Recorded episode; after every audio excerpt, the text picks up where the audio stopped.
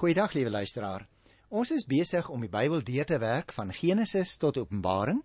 En as jy vir die dag vir die eerste keer inskakel, ek jy sê baie baie hartlik welkom. Ons doen soms so een of twee boeke uit die Ou Testament omdat die Ou Testament 39 boeke het en dan wissel ons dit af met 'n boek uit die Nuwe Testament wat die Nuwe Testament het net 27 boeke. Nou op hierdie stadium het ons al in die Ou Testament gevorder tot by die Psalmboek. Ek het in die eerste program gesê dat uh, mense die Psalmboek in 5 dele kan indeel en ek is nog steeds besig met die eerste deel of soos dit soms genoem word, die eerste bundel in die Psalms. Dit wil sê Psalm 1 tot 41. Ek wonder of jy dit geweet het. Dis 'n interessante wetenswaardigheid, né? Maar vandag is ek by die 17de Psalm en ek gaan 3 Psalms vandag so die Here wil met jou so bietjie bespreek. Psalm 17 kan 'n mens eintlik indeel in 3 dele. Nou as jy sien die opskrif daarvan is gebed van 'n onskuldige vervolgde. Nou die tema waaroor dit hier eintlik gaan is 'n gebed om te bid wanneer ons onskuldig vervolg word. Miskien luister jy vandag na die program en jy sê, "Jo, nou ja, hierdie jas kan ek aantrek, want ek word ook vir dinge wat ek regtig nie gedoen het nie as skuldig beskou. Daar is mense wat dinge aan my toedig en ek dra swaar aan hierdie skuld." En ek is heeltemal onskuldig daaraan. Ons het met ander woorde lyk dit vir my in Psalm 17 'n baie goeie voorbeeld van 'n lied wat elemente van verskillende soorte psalms bevat. Dit bevat byvoorbeeld die hulpgeroep en die klag van iemand wat in groot nood is so in vers 1 en 2 en ook vers 6 tot 9. Dan is daar die betuiging van onskuld vers 3 tot 5 soos in 'n onskuldspsalm nê die beskrywing van en die bede vir die vernietiging van die vyand nou ja dit ken ons al. En dit sien ons hier in Psalm 17 in vers 10 tot by vers 14 mense kry hierdie soort van gedagtes soms ook in die vloekpsalms nie waar nie? En dan uiteindelik is daar ook elemente van vertroue in die Here soos in tipiese vertrouenspsalms. Nou ek het al van hulle bespreek en ek gaan nog weer daarby kom en mense kry dit hier veral in die eerste 3 verse en ook in vers 5 tot by vers 7. Maar ek het vir jou gesê 'n mens kan dit gerieflikheidshalwe in 3 gedeeltes indeel. Die eerste afdeling van Psalm 17 is vers 1 tot by vers 8. En dit is eintlik 'n gebed hoor. Dit gaan oor 'n opregte hart voor die Here. Jy sien daarin die intieme verhouding met God. So hierdie gebed, noem dit wat jy wil, hierdie opregtheid, hierdie intimiteit, kom in die eerste 8 verse na vore.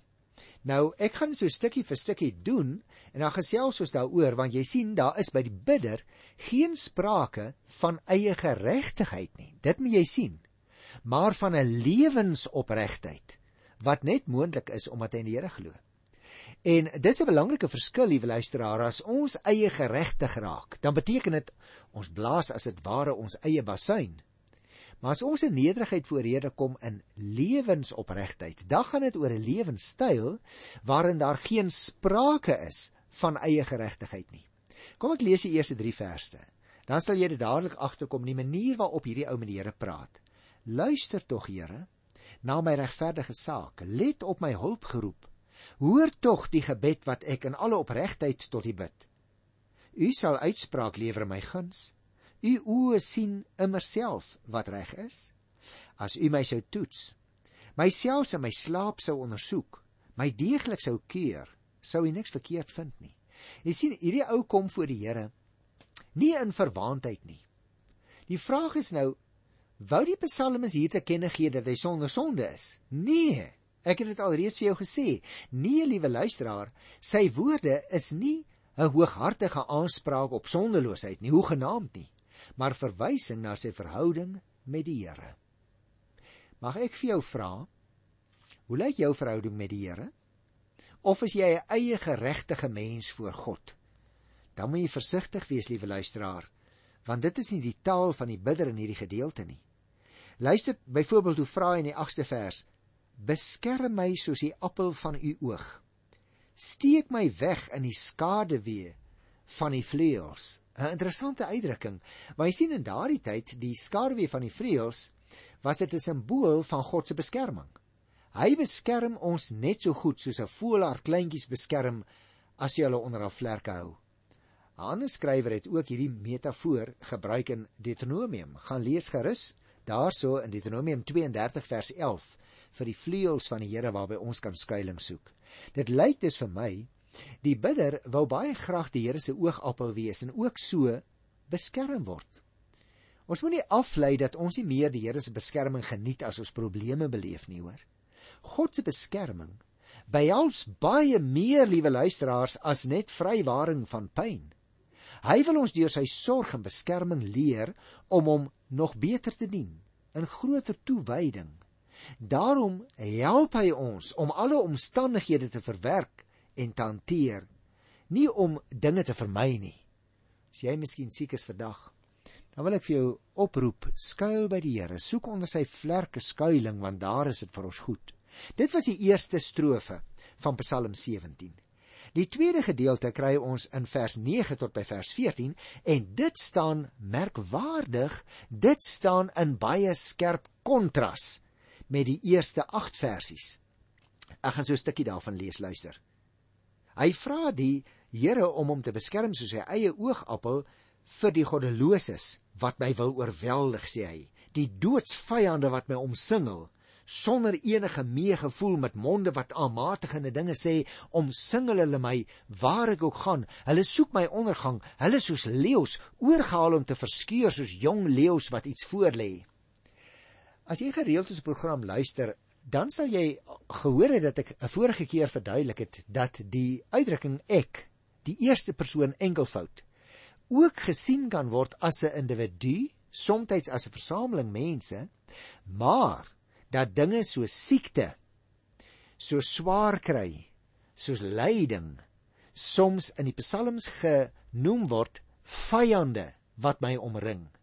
En daarom sê hierdie ou in teenstelling met die vaste wete dat hy by die Here skuil en dat hy weet hy is by die Here veilig. Sê hier in die tweede strofe van vers 9 tot 14 dat daar vyande is wat hom op 'n gewelddadige manier bedreig en daarom wil hy by die Here skuil. Die tweede strofe staan dus in teenstelling met die eerste. En dan kom 'n mens by die slot. Jy sal onthou ek het gesê daar's 3 dele in Psalm 17. Die slot het net een versie hier by vers 15. Waaroor handel dit? Ek wil amper vir jou sê die sirkel is voltooi. Hier kry ons nuwe toewyding aan die Here. Met ander woorde, hy het gepraat in die eerste strofe oor sy verhouding met God. In die tweede strofe vers 9 tot 14 het hy gepraat oor die sterk kontras van die aanvegtinge wat hy het. Nou kom hy in die 15de versie, dit is die derde gedeelte, dis die slot. Met nuwe toewyding voor die Here staan hy sê: "Maar wat my betref, omdat die reg aan my kant is, sal ek weer voor u staan. As ek wakker word, sal ek my verbly in u teenwoordigheid." Jy sien die Psalm sluit af byna soos dit begin het. Die sirkel is voltooi. Ook die gebed waarin die bidder vra dat God die goddeloses in 'n nageslag, dit is die vyande van God se koninkryk, dat hy hulle moet uitdelg, getuig van sy opregtheid. Daarom hier in die 15de vers dat hy sal wakker word. En dit dui daarop dat die gebed in die aand tot die Here gerig is. Interessant, né? Nee? In geloof vertrou die bidder homself aan die Here toe, want hy weet as hy wakker word, dan sal die Here nog oor hom waak. En dit bring my dan, liewe luisteraar, by die 18de vers. Nou daaroor wil ek 'n bietjie oorsigtelik gaan, want dit is 'n baie belangrike Psalm en ek wil eintlik graag vandag uitkom by Psalm 19. Maar kom ons kyk gou-gou na Psalm 18. Dit is God wat die oorwinning gee, staan bo aan. En ek dink as 'n mens nou hier mooi gaan lees, dan sal jy sien hy praat oor die geskiedenis Hy verwys baie dikwels na die geskiedenis. Nou ek wil nie vandag daaroor praat nie omdat ek toe ek die historiese boeke behandel het, heelwat na die geskiedenis verwys het. Die geskiedenis leer ons dat die Here vir ons as gelowiges sorg. Wat ons omstandighede ook al sal wees. Let byvoorbeeld op die eerste versie vir die koorleier. 'n Lied van Dawid, die dienaar van die Here. Hy het die woorde tot die Here gerig op die dag toe die Here hom gered het uit die mag van al sy vyande en uit die mag van Saul. Met ander woorde, die Psalm gaan vir ons vertel van verskillende geleenthede as die digter terugkyk in die geskiedenis van Oud-Israel, hoe dat die Here hulle verlos het. Daarom interessant as 'n mens vers 3 en vers 4 lees, let op na woorde soos skuilplek, skild, 'n veilige vesting. Ek gaan dit net vinnig lees hier in vers 3 en 4. Die Here is my rots, my skuilplek, my redder, my God, my rots, by wie ek skuil, my skild, my sterk verlosser, my veilige vesting. Jy sien, hy is dus vas daarvan oortuig dat hy veilig is by die Here. Daarom begin hy so voordat hy 'n oorsig gee oor die geskiedenis. Nou as 'n mens nou 'n hele klomp verse oorslaan en jy kyk hier van vers 33 af, dan wil ek dit in 2-3 sinne opsom. Van vers 33 tot 43 wat 'n groot deel van die Psalm beslaan, daar kry jy die toerusting van die bidder vir sy taak. Nou as 'n mens dit gaan lees, moet 'n mens vir jouself afvra of ek ook bewus is van hierdie ding. Wat die man sê, hy kan by die Here skuilings kry en die Here gee vir hom 'n sekere stuk toerusting vir die aanvegtinge waarmee en waarteen hy hom moet beskerm. So byvoorbeeld, kom ek lees net so 'n stukkie van vers 33 af. God omgord my met krag. Hy maak my pad voorspoedig.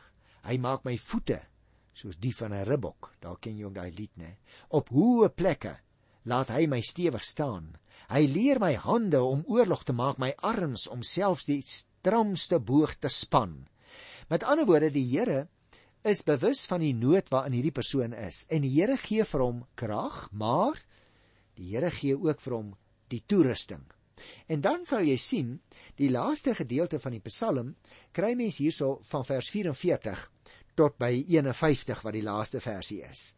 As jy dit gaan lees, dan sal jy sien dat in hierdie laaste gedeelte pyns die digter oor die betekenis van dit wat die Here vir hom gedoen het en waartoe die Here hom in staat gestel het in die verlede.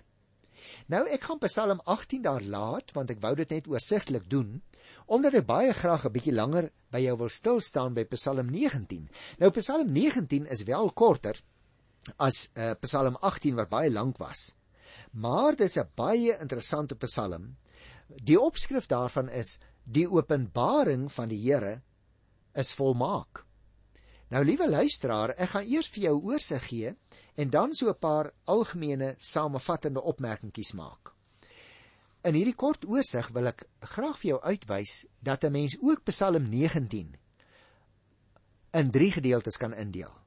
En baie interessant, onthou nou die opskrif, die openbaring van die Here is volmaak.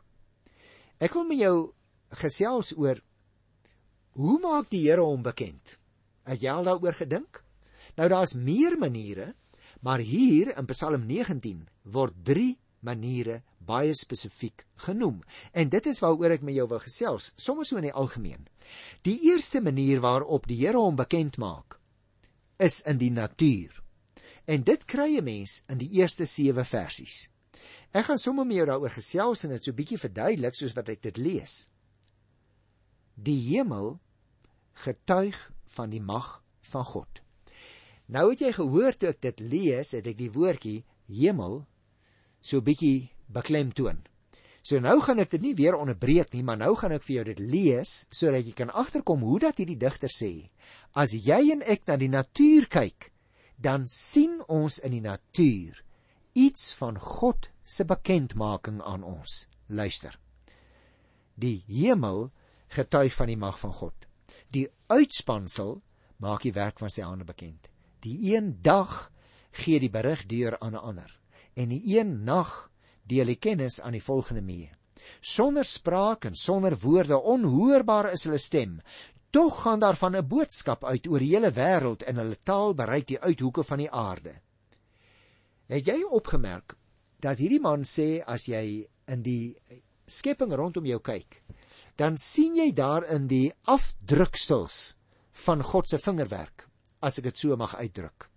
Maar nou ook baie interessant, hy sê as jy mooi luister, is dit asof jy in die dag die onhoorbare stem van die natuur verneem. Wat sou hy bedoel? Hy bedoel die pragtige, pragtige natuur waarna jy kyk. En dan sê ons selfs partykeer vir ons, Die natuur praat vandag met my. Die berge praat met my. Ek hoor in die wind byvoorbeeld die almag van God. Ek hoor sy stem in die ritseling van die wind soms in die boomtoppe. Jy sien is baie pragtige spraak en beeldgebruik waarin die digter vir ons goed wil laat verstaan dat in die natuur openbaar die Here hom aan ons op 'n baie plastiese, op 'n baie sigbare, op 'n baie kleurvolle manier. Hy gaan byvoorbeeld verder.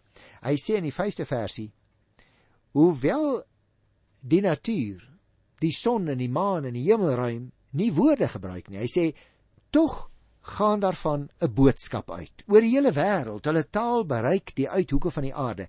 Dis dieselfde gedagte wat 'n mens natuurlik kry by Paulus in Romeine 1 vers 19 en 20 waar hy ook sê dat selfs die heidene, die wat God nie erken nie, hulle het 'n godsbewussyn Die ou kerkvader Calvin het tog al na hierdie godsbewussyn dikwels verwys in sy geskrifte dat hy sê daar is in elke mens iets ingebou deur God wat hom sensitief maak vir God. En daarom is dit so belangrik dat jy en ek die naam van die Skepper God aan mense sal deurgee en sy naam kry ons natuurlik op 'n ander plek, maar ek gaan nou nou daarby kom. Nou gebruik hy hier van vers 5b af in Psalm 19 'n baie pragtige plastiese beeld. Hy sê: "Vir die son is daar in die hemel 'n tent opgeslaan." Het jy al gekyk na die hemel? Kyk so op in die hemelruim, dan lyk dit die blou uitspansel. Dit lyk so asof hy so ronde koepel is. Hy sê: "Wie jy wat? Dit is soos die tent wat die Here vir die son gemaak het." Luister nou. As hy stralend begin om sy baan te volg, is hy soos 'n bruidegom wat in sy slaapkamer uitkom. Aan die een kant van die hemel kom hy op en aan die ander kant gaan hy onder en niks ontkom aan sy gloed nie. Met ander woorde, hy sê die son beweeg as dit ware soos 'n bruidegom van een vertrek as jy hom sien opkom. Daar op die verre horison, hier is Suid-Afrika nê, in die ooste waar die son opkom en hy gaan onder in die weste. Hy sê dit is asof die bruidegom dan die hele hemelruim deurstap het gedurende die dag. En aan die einde van die dag gaan hy daar in die weste kant waar hy verdwyn, gaan hy as dit ware weer in 'n kamer in. Met ander woorde, die eerste manier waarop God hom aan ons bekend maak, is uit die natuur. Nou noem die digter 'n tweede manier waarop God hom bekend maak en dis baie interessant. Eers was dit in die natuur, vers 1 tot En nou hierso vers 8 tot 12, God maak hom bekend in die skriftuur. Met ander woorde in die Bybel, ek gebruik nou maar die twee woorde omdat dit in Afrikaans rym. Ek gebruik nou maar die twee woorde natuur en skriftuur omdat dit rym. Met ander woorde, die Here maak hom nou in die tweede plek aan ons bekend in die Bybel. En liewe luisteraar, in hierdie volgende verse wat ek nou met jou gemaandel, kry ons die heel beste en persoonlik dink ek sekerlik die mooiste beskrywing van die Bybel. Ek hoop jy het dit al ooit gelees, maar indien nog nie, lees na die program as jy dalk nou besig is om te bestuur, Psalm 19 vers 8 tot by vers 12 wat handel oor God se bekendmaking in die Bybel. En dan sal jy opmerk hy begin deur die Bybel te beskryf as die woord van die Here. In Hebreëus die Torah. Die woord van die Here is volmaak. Dit gee krag. En nou in die volgende verse gaan hy ander benamings vir die Bybel gebruik. En hy gaan 'n baie interessante ding doen. Hy gaan elke keer sê as jy met die woord besig is, dan gaan jou lewe verander. Met ander woorde, liewe luisteraar, jy gaan sien die woord byvoorbeeld is die eerste benaming vir die Bybel is volmaak en die uitwerking daarvan is dit gee lewe. Nou gaan ek die ander lees eers sonder onderbreking en dan gaan ek weer daarby terugkom. Die tweede benaming, die onderwysing van die Here is betroubaar. Uitwerking, dit gee wysheid aan die wat nog onervare is. Die derde benaming, die bevele van die Here dui die regte koers aan. Uitwerking, dit bring blydskap. Die vierde benaming, Die gebod van die Here is helder. Uitwerking: Dit gee insig. Die vyfde benaming: Die eise van die Here vir sy diens is goed. dit staan altyd vas. En die sesde benaming, die bepalinge van die Here is reg. Elkeen van hulle is reg. Met ander woorde, liewe luisteraar, ons het hier nie net verskillende benamings van die Bybel nie, maar ons het ook die uitwerking wat die Bybel op ons lewe het. Daarom is dit so belangrik dat jy en ek met die Bybel sal besig wees. Hoekom? Omdat jy na 'n rukkie ontdek, ek is nie met die Bybel besig nie, maar die Bybel is nou met my besig. Die Bybel beïnvloed en verander my lewe. Die Bybel bring my al dieper in 'n verhouding met God. Daarom is die Bybel vir jou en vir my so 'n wonderlike boek en daarom verwerp ons enige leerstelling wat daarmee in stryd is, want die Bybel, en nou gaan ek net die uitwerkings noem wat hy gee. Die Bybel gee lewe. Dit gee wysheid, dit dui die regte koers aan, dit bring blydskap, dit gee insig. Dit staan altyd vas. Is dit nie wonderlik nie? En kom hy in die 11de versie by die gevolgtrekking wat hy wou maak. Hulle is kosbaarder as goud, selfs as baie goud soeter as heuning, as druppels uit 'n heuningkoek. U dienaar laat hom daardeur leer.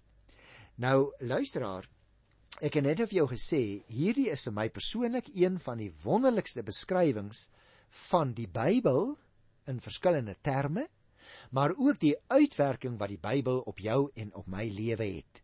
Hoe dat die Here God hom deur sy woord aan ons bekend maak. En daarom moet ons altyd die gesag van die Here se woord baie hoog aanslaan. Juis in hierdie tyd waarin ons lewe, waar mense soms die gesag van die woord betwyfel. Ek het by die begin net nou toe ek Psalm 19 begin behandel het, gesê ons kry drie belangrike maniere waarop die Here hom aan ons bekend maak in Psalm 19. Die eerste was vers 1 tot 7, bekendmaking in die natuur. Die tweede was vers 8 tot 12, die Here se bekendmaking in die skriftuur. En nou 'n baie interessante aspek. Vers 13 tot 15, ek sou daar wou sê, ons sou kon uh, 'n uh, opskrifie gee soos wil, die Here se bekendmaking aan ons in ons omstandighede. Het jy al ooit daaraan gedink? Ek lees dit eers na gesels ons daaroor. Wie sien sy eie dwaalinge raak? Moet my tog die straf vir sondes wat ek onwetend gedoen het nie. Weerhou my van opsetlike sondes. Laat hulle nie oor my heers nie. Dan sal ek onberispelik wees en vry van hierdie groot sonde. Mag wat ek sê en wat ek dink tog vir u aanneemlik wees, Here, my rots en my verlosser. Nou luisteraar, ek ken nie jou persoonlike omstandighede nie. Jy weet ook nie wat my situasie is nie. Maar miskien het jy op hierdie stadium groot druk op jou as gevolg van finansies. Is daar mense rondom jou wat wat vir hulle self vra maar hoe gaan hierdie ou uitkom uit hierdie situasie? Miskien is jy baie siek lê op 'n siekbed. En nou blyk dit uit hierdie verse dat die Here hom aan ons bekend maak in ons omstandighede. Met ander woorde, prakties beteken dit daai ou wat op die siekbed lê, hy is nie die enigste hy of sy met wie die Here dalk nou besig is nie. Die Here is ook in daardie omstandighede met daardie persoon besig. O ja. Maar hy praat ook deur die hele gebeure soms met die mense om die bed. Jy en ek wat soms dink, ag nou ja, ek is gesond, my voorgeslag het baie oud geword. Ek gaan gesond wees en ek gaan oud wees tot in my ou dag. Sê wie? Die Here praat met ons wat gesond is soms deur die siekte van 'n ander persoon. Die Here praat deur die finansiële druk wat soms op iemand anders is met jou en met my dat ons weer kan besef hoe afhanklik ons van die Here is ook vir die lewenskrag waarmee ons ons geld en ons kos verdien. Dit is nie maar net van selfsprekend nie. As ek nou vir jou sou sê Psalm 19 leer ons vandag hierdie dinge. Die Here maak hom aan ons bekend in die natuur, O, kom jy en ek kyk weer 'n slaggie op in die hemel. Kom ons kyk na 'n eenvoudige by. Kom ons kyk na 'n gerinne muurtjie. Die Here praat met ons. Dit is deel van sy vingerwerk wanneer ons in die natuur kyk. En ja, die tweede manier waarop hy hom aan ons bekend maak is deur die Bybel. Deur die skriftuur. En hoe langer ons met die Bybel besig is, hoe meer ontdek ons die Here is met ons besig deur sy woord. Laat jy jou nog verander deur die woord van God? En die derde manier waarop die Here hom bekend maak volgens Psalm 19 is in en deur ons omstandighede. Soms ook in en deur die omstandighede van iemand anders. Wat leer jy op hierdie dag uit die omstandighede waarin jy is? Wat wil die Here dalk vir jou sê? Vra vir hom om vir jou 'n oop oor te gee.